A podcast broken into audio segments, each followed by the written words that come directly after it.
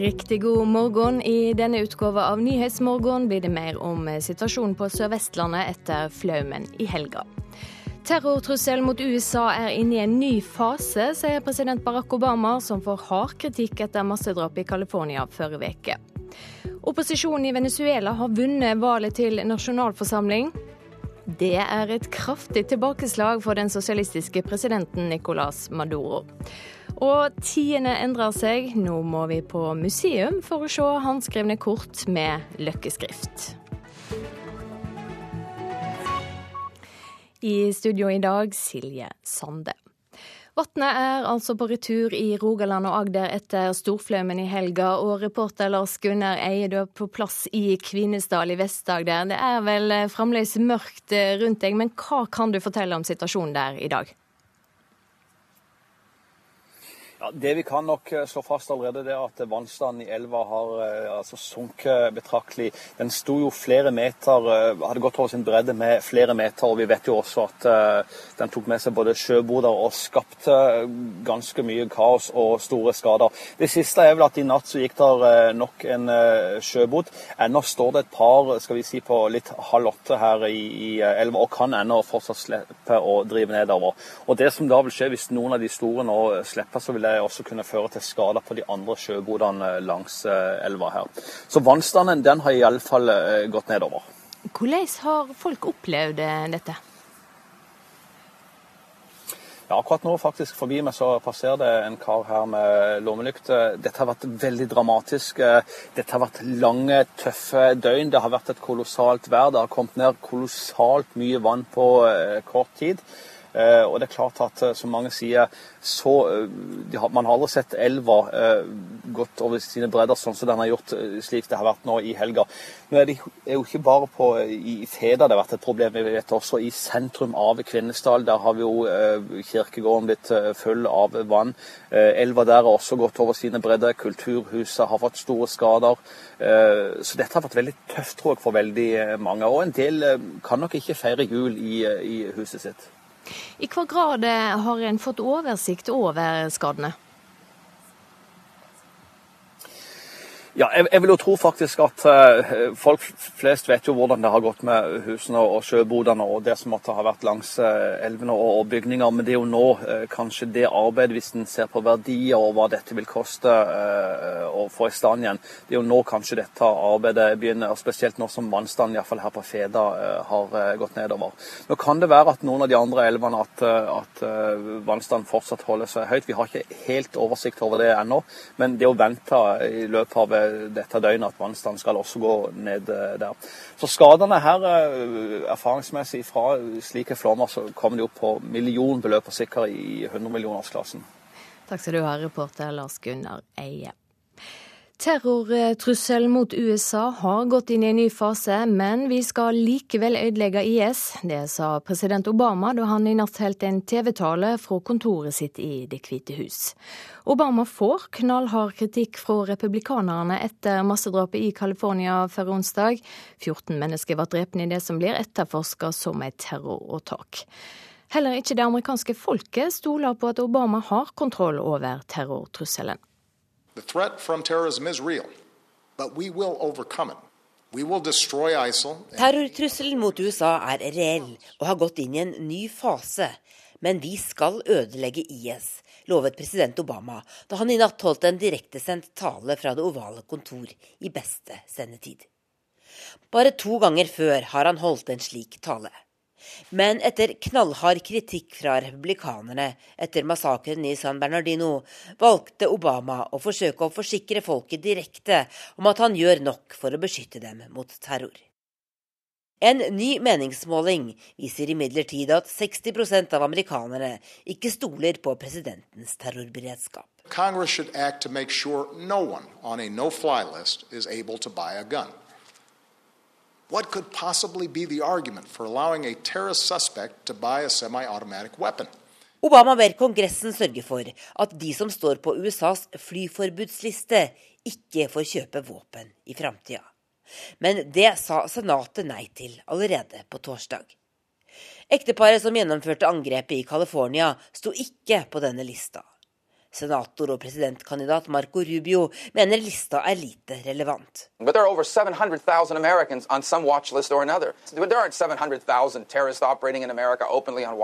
Det står 700 000 mennesker på denne lista. De fleste av dem burde aldri ha stått der, sier han til CNN. Our military will continue to hunt down terrorist plotters in any country where it is necessary. Obama lanserte ingen store nye tiltak mot terrorisme. Han lover imidlertid å gjennomgå USAs visumregler. Kvinnen som gjennomførte California-angrepet, var pakistansk statsborger i USA på et såkalt forlovelsesvisum. Republikanerne reagerte raskt og negativt på Obamas tale. Var dette det hele, spør Donald Trump på Twitter. Han foreslo allerede før angrepet at alle muslimer i USA bør registreres i en egen database og tvinges til å bære ID-kort. It's our responsibility to reject proposals that Muslim Americans should somehow be treated differently. President Obama advarte i natt amerikanerne mot å diskriminere muslimer etter det som har skjedd. It is the responsibility of all Americans, of every faith, to reject discrimination. Og det var eh, Tove Bjørgaas som hadde laga denne rapporten. Så til eh, Venezuela. Der har opposisjonen vunnet valget på ny nasjonalforsamling. Det kunngjorde valgrådet i landet for kort tid siden. Opposisjonen har klart å sikre seg 99 av 167 seter i parlamentet. Og det er første gangen på 16 år at det blir maktskifte i nasjonalforsamlinga i landet. Med nå Leiv Marstein Trede, førsteamanuensis ved Latin-Amerikastudiene ved Universitetet i Oslo. Du har fulgt valget fra hovedstaden Caracas. Er du overraska over resultatet? Nei, ikke så veldig overrasket. Eh, det var en klar og veldig solid seier for opposisjonen. Men meningsmålingen har vist eh, at opposisjonen har ligget med en klar ledelse i lang periode. Nå ser de at opposisjonen har vunnet ca. 57 av stemmene mot regjeringspartiet sitt, eh, sine 43% Så det var en solid seier. Og, og de får nå i hvert fall tre femtedels flertall, og kanskje så mye som to tredjedels flertall i parlamentet. Noe som vil gi opposisjonen mye makt eh, over det som skal skje framover i Venezuela. Hva tror du er årsaker til dette valgresultatet? Eh, årsakene ligger i den økonomiske krisen. Eh, levekårene for befolkningen har forverret seg de siste par årene ganske så drastisk. Eh, det er høy inflasjon, det er sterk negativ vekst. Oljeprisen har falt, og i en økonomi som den venezuelanske som er så basert på oljen, så, så har dette her rammet regjeringspartiet og president Maduro veldig hardt. Ja, hva følger får det for den sosialistiske presidenten? ingen direkte følger. Dette er et presidentsystem, så, så, presidenten skal sitte til hans termin er eh, ute om, om ca. tre år. Eh, men det er klart at nå har opposisjonen mandat til å påvirke politikken framover. Og det folket håper på, er at de skal komme med, med løsninger som eh, gir forbedringer i levekårene, som, som endrer matkøene framfor butikkene og framfor apotekene overalt og ender eh, varemangelen i landet. Eh, så, det blir spennende å se da om opposisjonen og regjeringen greier å komme i dialog, fordi det har de ikke greid eh, hele perioden der Chávez og Maduro har, har styrt landet.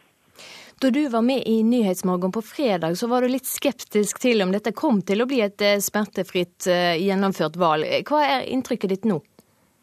Ja, Valgdagen foregikk veldig rolig. Det var selvfølgelig en god del klager og en del rapporter om, om ulovligheter underveis, men, men, i all hovedsak så, så later dette til å vært en veldig fredelig valgdag. Det var en veldig høy valgdeltakelse på ca. 74% noe som er opp fra 66% for fem år siden.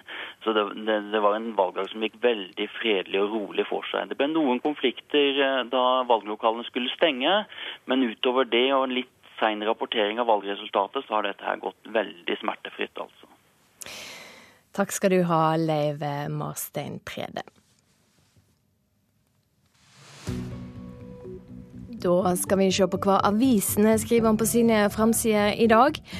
Stavanger Aftenblad skriver om flaumen etter ekstremværet Synne. Vi var så nervøse at vi ble kvalme, forteller bønder som redda 500 grisunger fra drukningsdøden da vannet steg.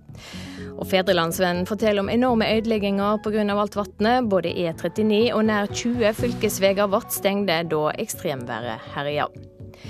Vi må ikke la oss lure av suksess i Paris. Advaringa kommer fra den tidligere Arbeiderpartitoppen Grete Faremo. Hun sier til Dagsavisen at en klimaavtale ikke vil bety at havnivået vil slutte å stige, eller at naturkatastrofene slutter å komme.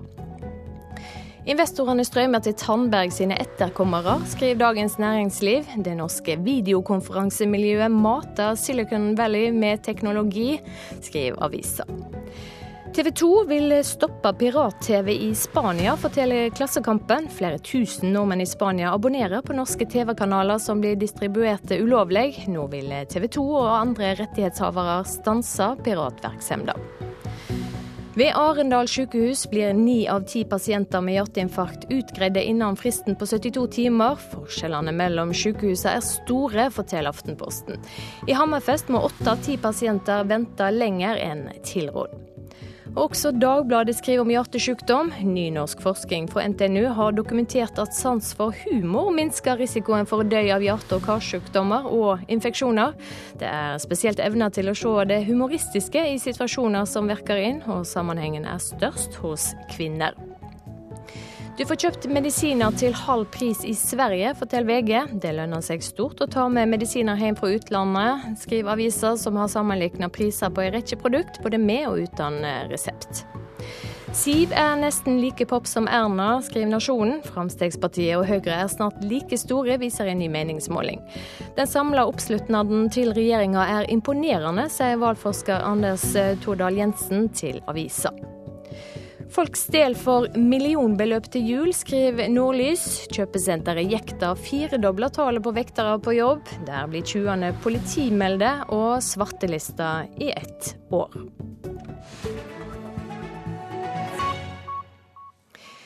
Den gamle tyske storløperen i langrenn, Jochen Behle, frykter at interessen for langrenn vil dale internasjonalt dersom Norge holder fram med å være så overlegne.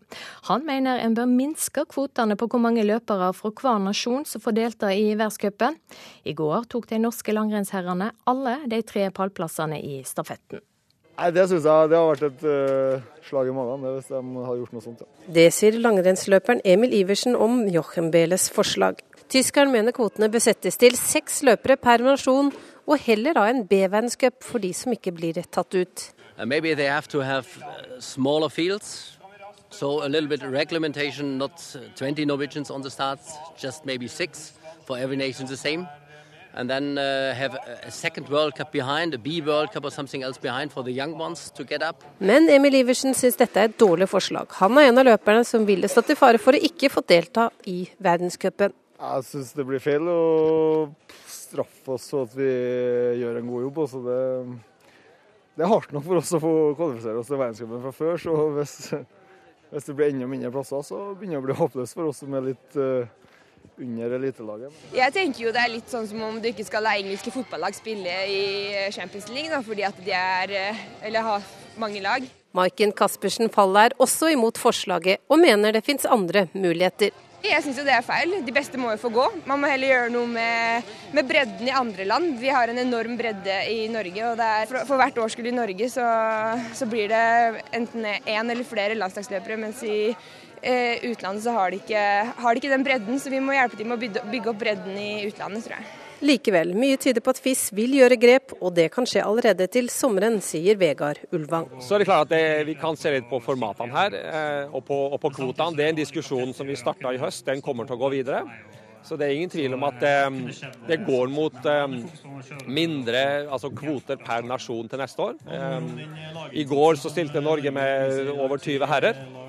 Eh, det kan gå mot en, en makskvote på seks, det ble diskutert i høst. Dette skal vi konfirmere til våren. Eh, og det kan også gå mot at hver nasjon får stille med færre stafettlag. Det kan ta fra mange motivasjonen, mener Ragnhild Haga. Nei, Det er surt, ja. Det hadde det vært. Da, hvis det er sånn over lang tid, så får man jo kanskje tenke litt over hva man holder på med. og ja, se litt an, da. Men, eh, men jeg håper virkelig ikke at det blir sånn. Reporter Susann Michaelsen. Du hører på Nyhetsmorgen i NRK P2 og Alltid nyheter. Klokka er straks 6.48. Aller siste nytt nå er at det er trygt å ferdes ute i Gravdal i Lofoten. Giftig røyk fra en brann i et dekklager gjorde at folk ble bedt om å holde seg inne, men en har nå kontroll på brannen. Vannet er på vei ned igjen på Sør-Vestlandet, men skadene er store flere, flere steder i Rogaland og Agder. Og om litt skal vi høre om et litt spesielt hjelpetiltak for eh, traumatiserte flyktningbarn som kommer alene til Norge. Det ytterliggående høyrepartiet Nasjonal Front har vunnet første runde i regionvalget i Frankrike. Ifølge det franske innenriksdepartementet har Nasjonal Front fått flest stemmer i minst seks av de 13 regionene i landet. Andre runde av regionvalget er neste helg. Biblioteka ruster seg til flyktninginnsats. Innen året er omme har flere enn 25 000 flyktninger kommet til Norge. Det er rekordmange, og biblioteka vet av erfaring at mange av dem vil komme dit. En renommert bibliotekar fra USA skal gi deg råd om krisehåndtering. Scott Bonner, thank you very much and huge congratulations. Good job. Han ble kalt den stille helten da raseopptøyene herjet den amerikanske byen Ferguson i fjor høst. Well, heroes, look, I did what libraries do. Skoler, butikker og kontorer ble stengt eller rasert. Men den ferske biblioteksjefen Scott Bonner holdt bibliotekdørene åpne. Because I knew that the library exactly Forteller han på Skype-telefon fra kontoret sitt i Ferguson. At et bibliotek er mer enn et sted du låner bøker, blir hans budskap når han kommer til Norge neste måned for å snakke til 150 norske bibliotekarer. All these new people coming in is a different kind of crisis than what we did.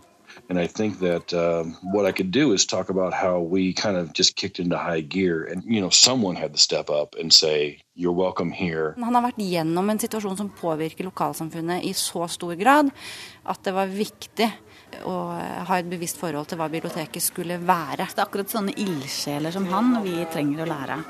Sier fylkesbibliotekar i henholdsvis Hedmark og Oppland, Karianne Albrigtsen Aam og Tone Nysæter.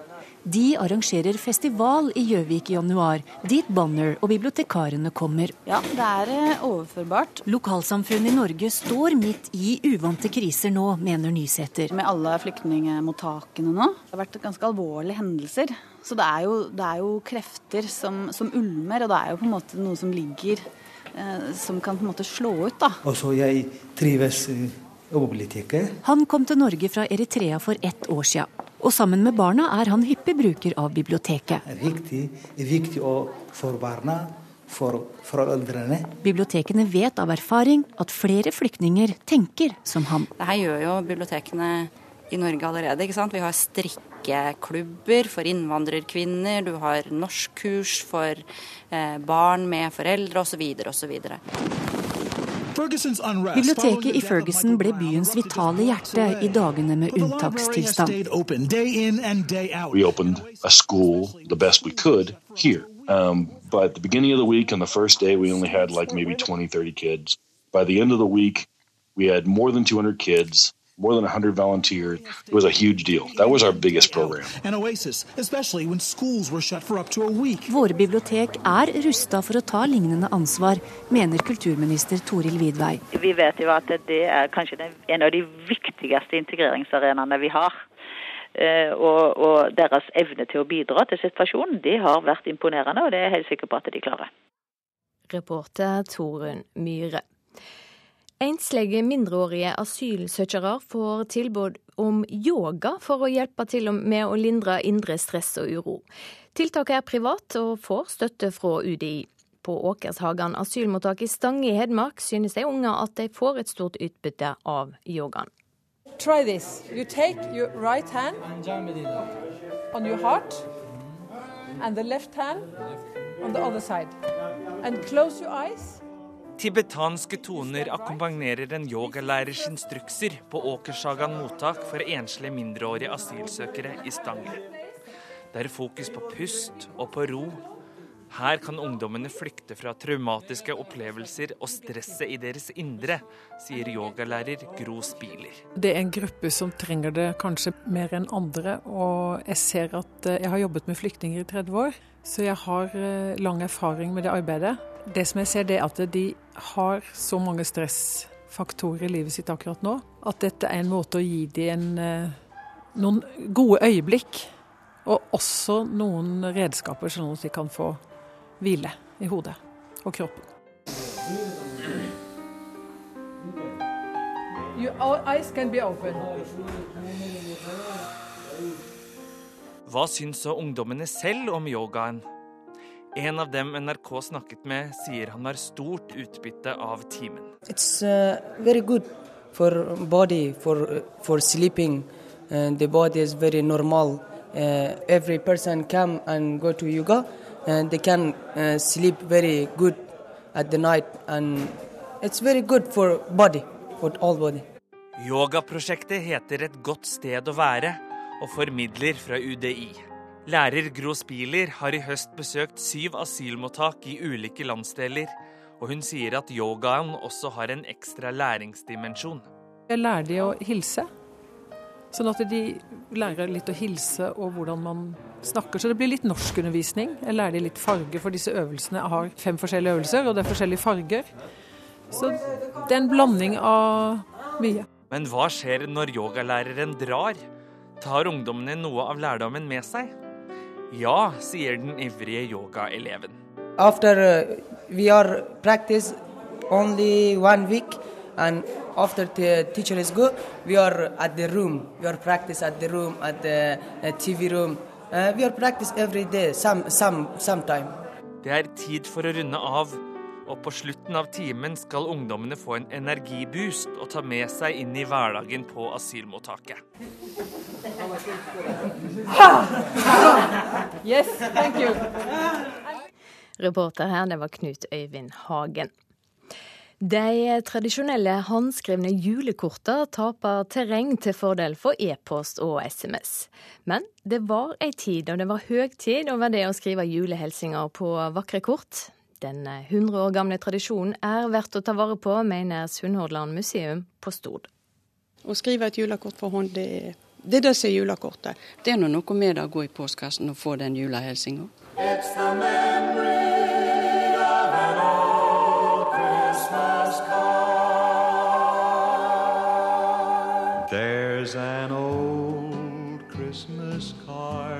Et bilde av en nisse, eller en engel, eller kanskje et strålende juletre. Motiver er mange. Helt siden begynnelsen på 1900-tallet har vi sendt julekort her i landet. I dag så sender veldig mange med unger julebrev. Digitale julebrev. Folk er veldig flinke i Photoshop. De legger til flotte familiebilder, forteller om sydenturen sin. Og så sender de kanskje ikke julekort med frimerke i posten lenger. Og dette syns Sunnland museum at vi må sette litt fokus på. Og vi har så lyst til å feire alle de vakre julekortene som er sendt i 100 år i vår region. Jane Junger er direktør ved Sunnhordland museum på Stord. De har fått en haugavis med gamle julekort fra 1910 til i dag til sin nye utstilling. Og alle forteller ei historie. Disse her gamle julekortene er skrevet med løkkeskrift. Og et av de jeg fant fra USA, der står det 'Hils mamma og pappa'. Og det sier jo noe om disse som har bodd i Amerika og skriver til familien hjemme. Så jeg syns det er utrolig så mye sånn fine historier i hvert enkelt julekort. Men de skrev ikke sånn veldig mye på disse julekortene? Som regel ikke, men noen ganger. Og så, Nå sender vi jo gjerne en tekstmelding på julaften. Eller legger ut noe på Facebook. Jeg skriver ikke julekort. Hvorfor ikke? Det er for vi snakker over telefon. Vi sender bilder med ungene. Tar det med meldinger på Facebook. Kanskje er vi ikke så personlige lenger, fordi vi skriver ikke noe med hånd. Det å skrive for hånd, det er å bruke tid. Og tid er det vi ikke har i dag. Reporter Marte Rommetveit. Vi skal ha et eh, værvarsel. Fjellet i Sør-Norge minking til nordvest. Stiv kuling utsatte steder. Fra i ettermiddag skiftende bris, delvis skyet opphold.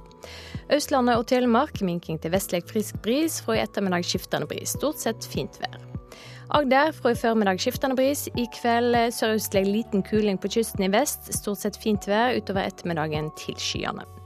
Vestlandet sør for Stad fra i formiddag skiftende bris. Opphold og perioder med sol. I kveld sørøst bris, liten kuling utsatte steder. Skyer, utrygt for litt regn.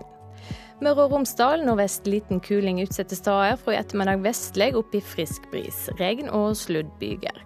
I kveld dreying til sørøst bris, opphold.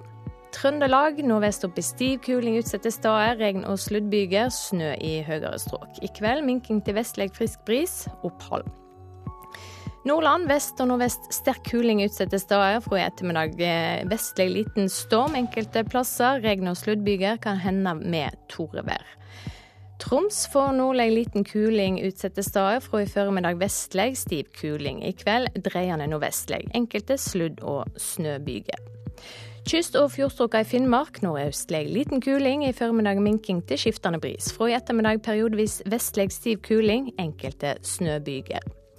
Finnmarksvidda får nordlig bris. Fra i ettermiddag nordvestlig frisk bris. Utsatte steder stort sett oppholdsvær. Nordensjøland på Spitsbergen. Der blir det østlig frisk bris, utsatte steder og oppholdsvær. Og Det er venta at det skal bli litt kaldere i Sør-Norge og på Spitsbergen. I Nord-Norge blir det uendra eller litt stigende temperaturer.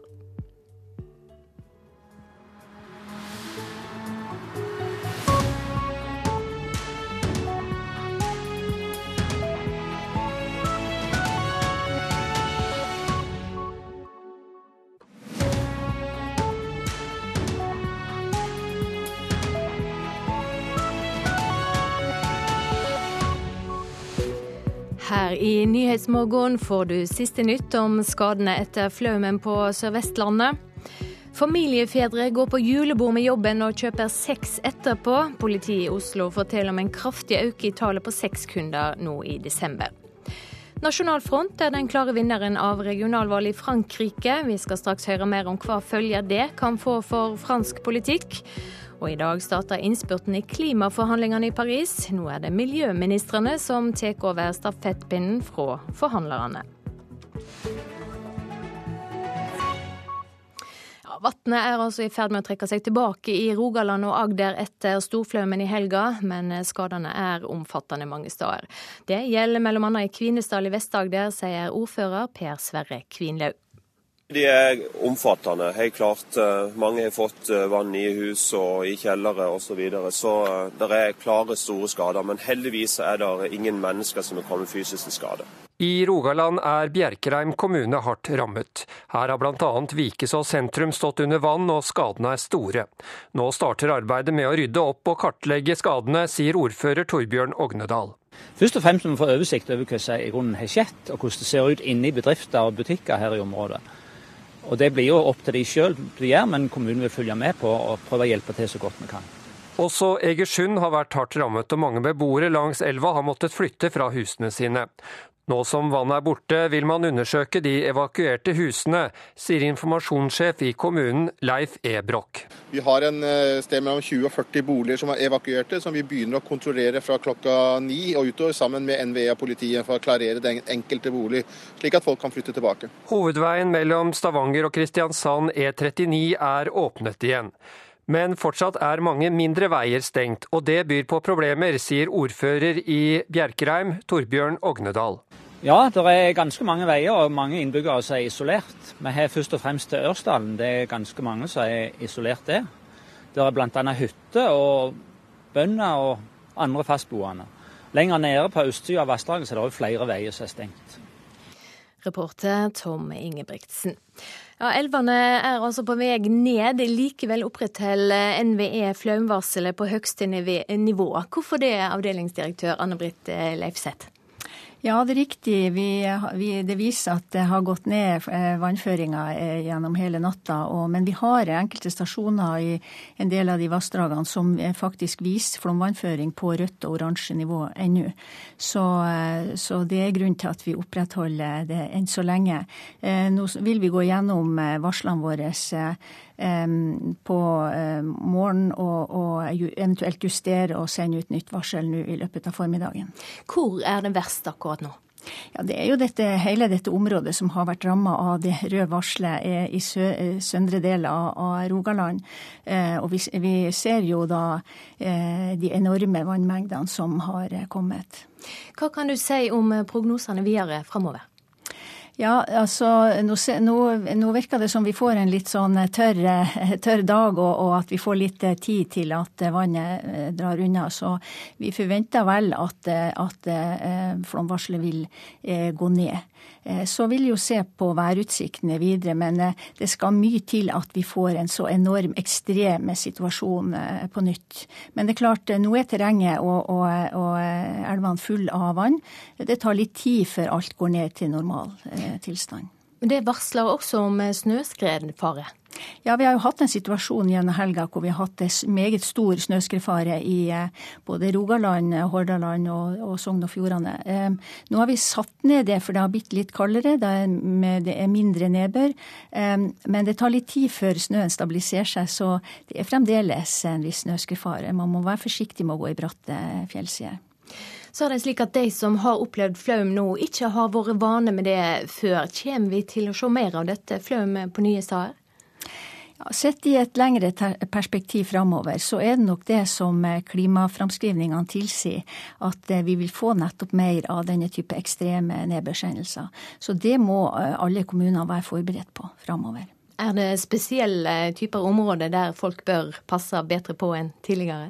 Ja, altså eh, Vestlandet er jo utsatt, eh, og, og, eh, så, så, de områdene som har vært ramma nå, må nok belage seg på å, å, være forberedt. Det betyr å unngå å bygge i utsatte områder, være, ha god beredskap og ha oversikt over risiko og sårbarhet i sin, sine kommuner.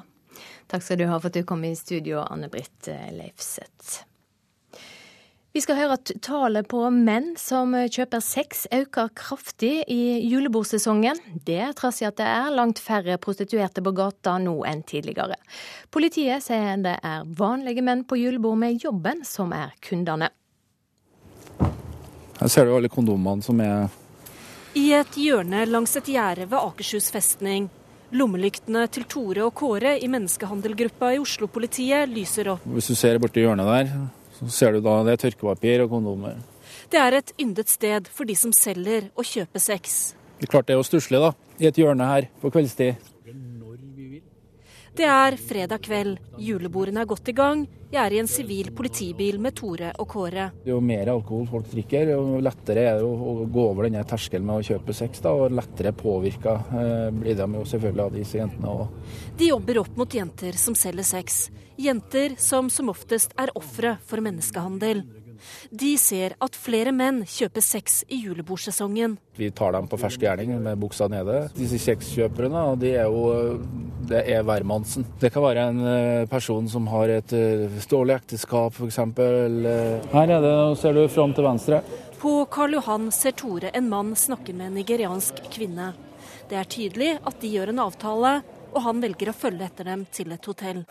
Menneskehandelgruppa velger å gripe inn og banker på hotelldøra. Dag, vi er fra politiet. Er du alene? Nei. Hvem er det noen du kjenner? Kjenner ikke så veldig godt. Jeg, jeg... Ta på deg klærne. Er du OK? Jeg har ikke gjort noe galt med henne. Jeg har ikke kjøpt henne. Jeg ville bare ta henne med for å ta en dram. Mm. Jeg har vært på julebord med jobben. Vi har fordreid stemmen til mannen. For 1400 kroner ville han dele en flaske vin med kvinnen på hotellrommet. De var begge nakne, men mannen nekter for at han vil ha sex. Det er ikke naturlig det du gjør nå, da. Du er, du er enig om det? Hvorfor kan, Hvorfor kan ikke jeg ha det koselig og finne en dame å drikke vin ja. med? Jeg satt naken. Jeg innrømmer det. Og du, du, er naken, og hun er naken under dyna? Jeg ga henne penger for å bli med hit. Nei, altså, jeg synes jo Det som er bra her, er at jenta har fått de 1400 kronene. Og så slapp hun å gjøre noe som sannsynligvis ikke gjorde for veldig frivillig. 25 000 kroner koster det hvis du blir tatt med buksa nede. For mange menn blir det et dyrt julebord. Men det er noe jeg mener at en person som kjøper sex da bør tenke på. At det her, de gjør det jo ikke frivillig. Og jeg syns ikke det er greit at du skal kjøpe et annet menneske for 500 kroner. Altså.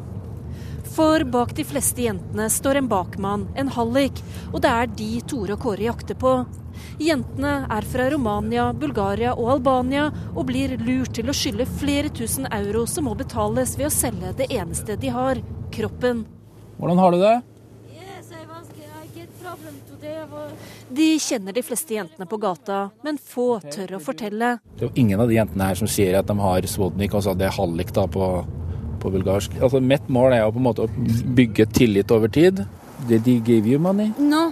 Tore snakker med en jente hvor en sexkunde ble tatt tidligere på kvelden. Han er opptatt av at de får pengene sine. We don't want to take the money from you. That's why you, it's important that you take the money first. You understand that? Reporter her, det var Ellen Omland.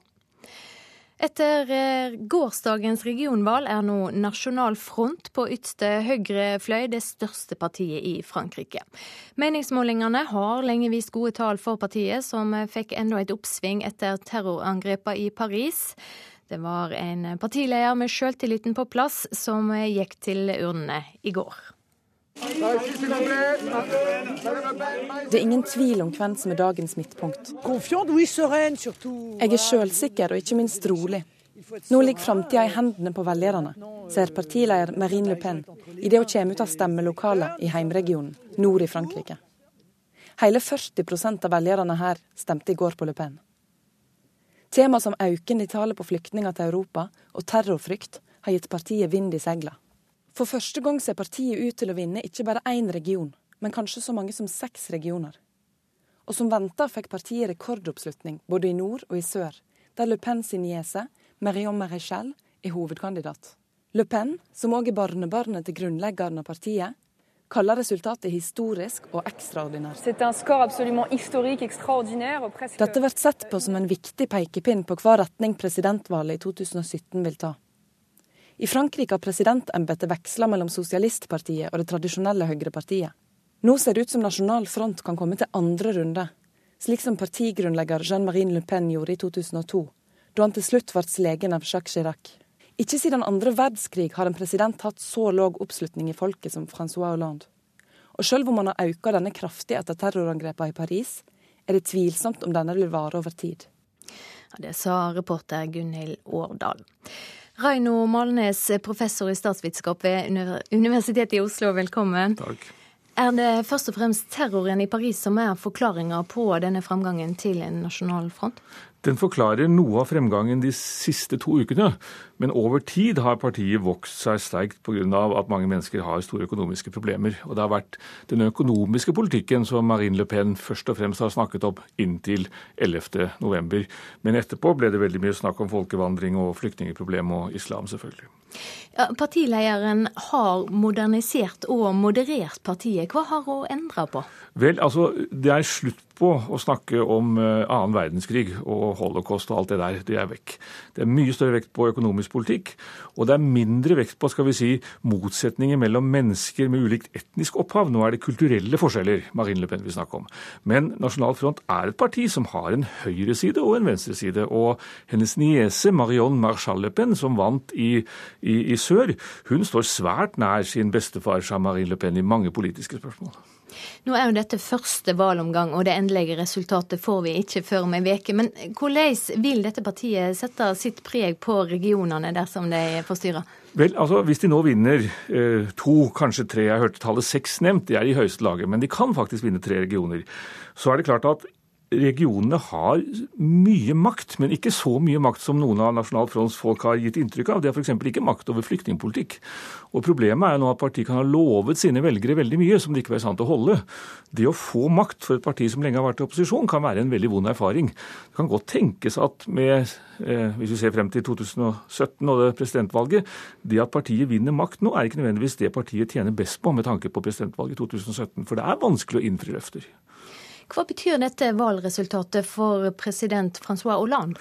Nå kan man si at Sosialistpartiet var jo spådd et kraftig nederlag, og det var på sett og vis fordøyd allerede. Nå har ikke sosialistene gjort det fullt så galt som mange hadde fryktet. Og venstresiden samlet er faktisk størst i Frankrike, hvis man legger sosialistenes stemmer sammen med De Grønne og, og Front de Gauche, altså det ytterliggående venstrepartiet. Og Det betyr igjen at hvis venstresiden kan samle seg, så vil de fortsatt være en ganske vesentlig faktor i fransk politikk. Men det var et dårlig valg, ingen tvil om det. Skjønt ikke så dårlig som mange hadde fryktet. Og en del flere regioner kan bli vunnet av sosialistene enn mange hadde ventet for bare noen uker siden. Er det grunn til å tro at venstresida vil klare å samle seg? Vel, i hvert fall i første omgang så skal jo nå prøven være den uken som kommer. Om de da kan klare å samle seg bak, og det ville da gjerne være sosialistenes kandidat i regionvalget. Det betyr at eh, De Grønne og, og Front de Gauche må svelge noen kameler. Men det er klart at så er det en god stund til 2017, og det er god tradisjon på venstresiden i Frankrike for å krangle og falle fra hverandre. Så det gjenstår å se. Men dette er en kraftig vekker. og men også samtidig også tatt løfte om hva venstresiden kan få til, hvis de klarer å stå sammen. Hva med den klassiske høyresida, hvordan har de klart seg i, i valget? Eh, nei, altså det var jo ventet at Sarkozy altså Sarkozy har kommet til makten med det slagordet at han er den eneste som kan demme opp for nasjonal front, og det har han altså ikke klart. Han sa lenge, nå de siste to ukene, at meningsmålingene for nasjonal front er ikke til å stole på. Det viste seg å være Dette er nok et kraftig nederlag for Sarkozy, og har svekket hans mulighet til å bli republikaner republikanernes presidentkandidat i 2017. Takk skal du ha for at du kom i studio, Raino Malnes. Du hører på Nyhetsmorgen. Klokka er 8.47. Dette er hovedsaker i nyhetene i dag. Vatnet er i ferd med å trekke seg tilbake i Rogaland og Agder etter storflommen i helga. Vatnet har ført til store materielle skader. Tallet på menn som kjøper sex øker kraftig i julebordsesongen. Det trass i at det er langt færre prostituerte på gata nå enn tidligere. Og Miljøpartiet De Grønne er den verste fienden for det norske landbruket. Det mener landbruksminister Sylvi Listhaug. I dag starter innspurten i klimaforhandlingene i Paris. Nå tar miljøvernministrene over stafettpinnen fra forhandlerne som har arbeidet gjennom hele den første veka. Og med nå fra Paris, reporter Eivind Molde, er det fremdeles vanskelige spørsmål som må løses? Det er det så eh, absolutt. Det er mange spørsmål som eh, står att når denne veka nå starter. Annet handler det om hvor forpliktende avtalen skal være hvordan rike land skal kunne hjelpe fattige med å tilpasse seg klimaendringene, og hvordan avtalen, ikke minst hvordan avtalen skal følges opp etter at dette møtet her i Paris er over. Ja, Vi hørte i går at den norske klima- og miljøministeren har fått et viktig oppdrag nå i innspurten. Hva går det ut på? Det går ut på at hun skal leie en forhandlingsgruppe som har ansvaret for um, å få inn de langsiktige ambisjonene i avtalen. Det, har, det, handler altså om hvordan de nasjonale målene skal oppdateres framover. For, for, for, å forklare det litt nærere, så er det sånn at 186 eh, land har eh, før konferansen meldt inn hva de kan bidra med av utslippskutt eh, i en avtale. Dette må følges opp, for det hjelper jo ikke med fagre løfter fra mange land dersom det ikke blir fulgt opp i praksis. Så um, den jobben som hun skal gjøre og leie, handler om å få et system for det som blir uh, nedskrevet i denne avtalen. Det er også meninga at uh, disse målene skal forsterkes med, med jevne mellomrom framover. Slik at uh, dette er et vanskelig punkt, og det blir uh, uten tvil en krevende jobb for uh, Tine Sundtoft. Hva er den videre framdriftsplanen nå for klimaforhandlingene? Forhandlingslederne fra de ulike landene de avslutta sin jobb eh, før helga. Eh, lørdag overleverte de et dokument som eh, nå altså politikerne skal ta fatt på, og det gjør de nå i formiddag. De starta faktisk klokka ti med det. Og så skal etter planen en ny global avtale være klar på fredag ettermiddag i denne veka.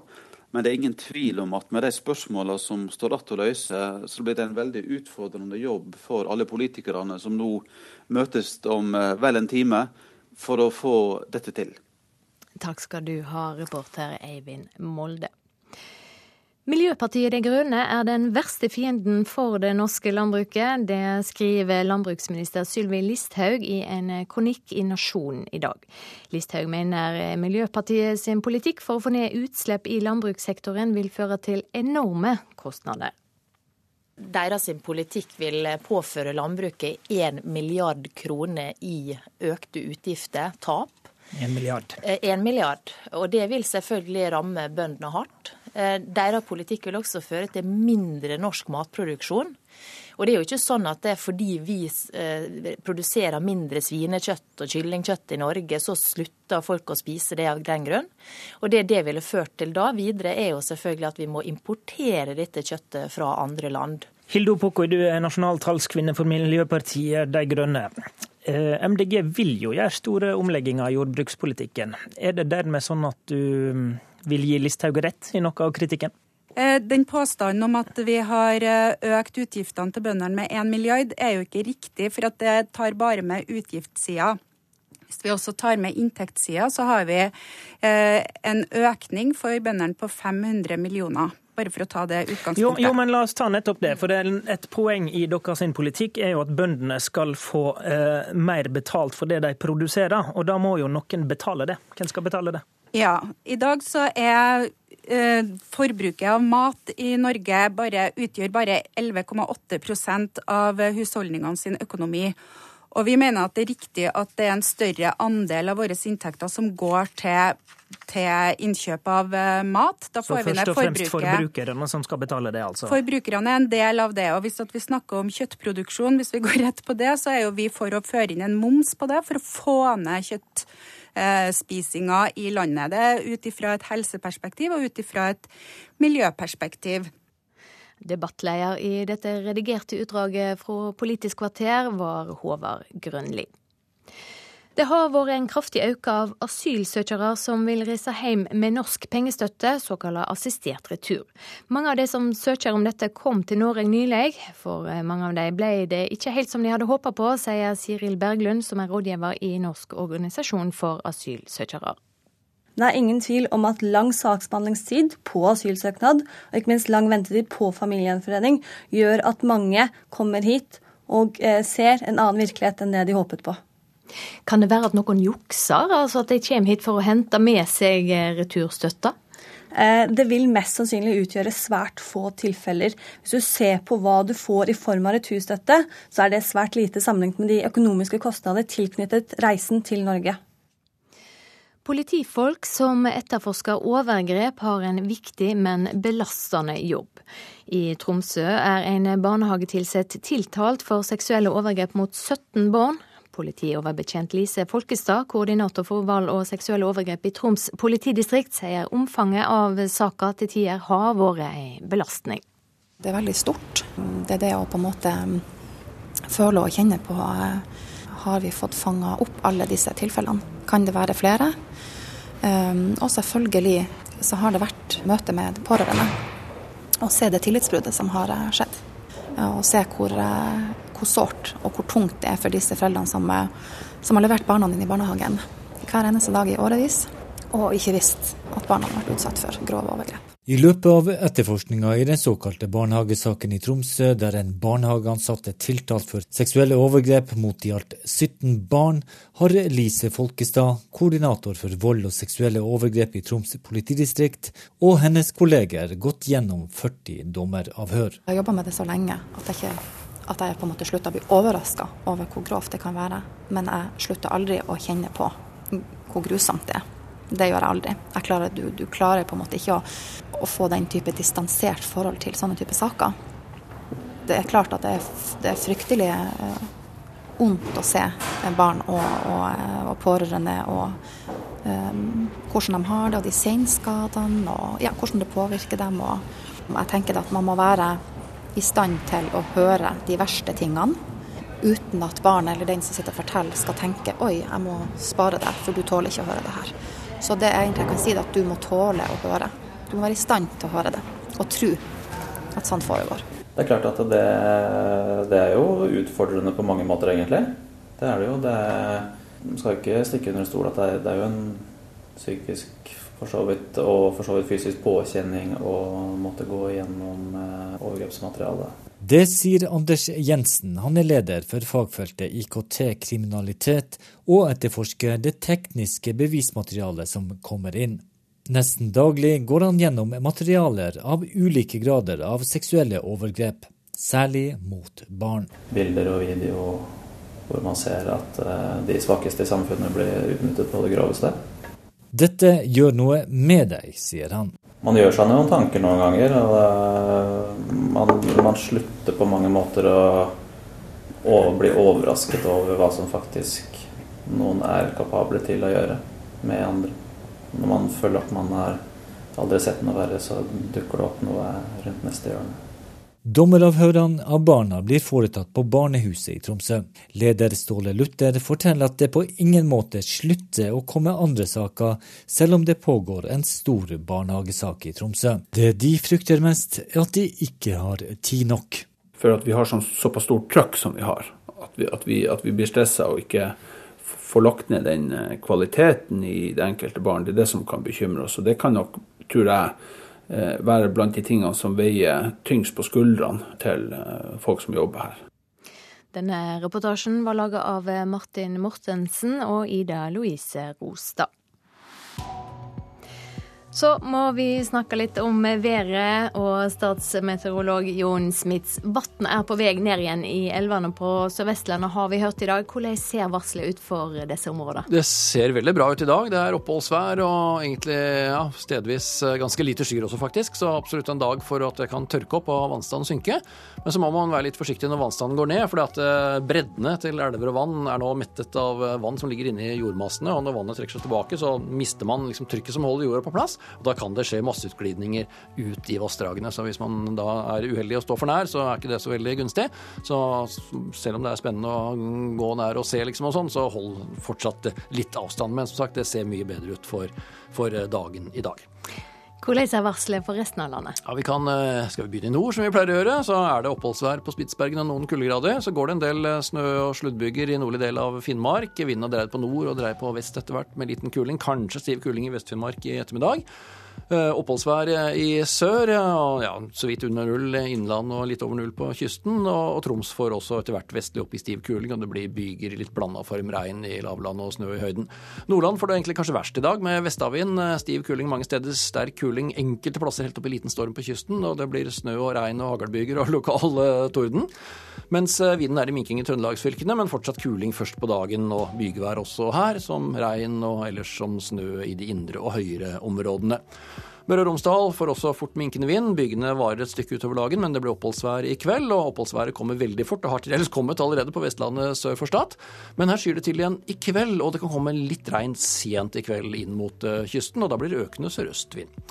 Fjellet i eh, nord eh, og i nordvest kan få enkelte snøbyger, men gradvis minkende byggeaktivitet. Og så blir det egentlig fint eh, både på Sørlandet og Østlandet i dag, med minkende vind og lite skyer de fleste stedene, og egentlig ganske mye sol og litt lavere temperatur enn det var i går egentlig i hele landet. Takk skal du ha, Jon Smits. Ansvarlig for nyhetssendingene i dag, Elin Pettersen. Produsent for Nyhetsmorgen, Ulf Tannes Fjell. Teknisk ansvarlig, Espen Hansen. Og programleder, Silje Sande.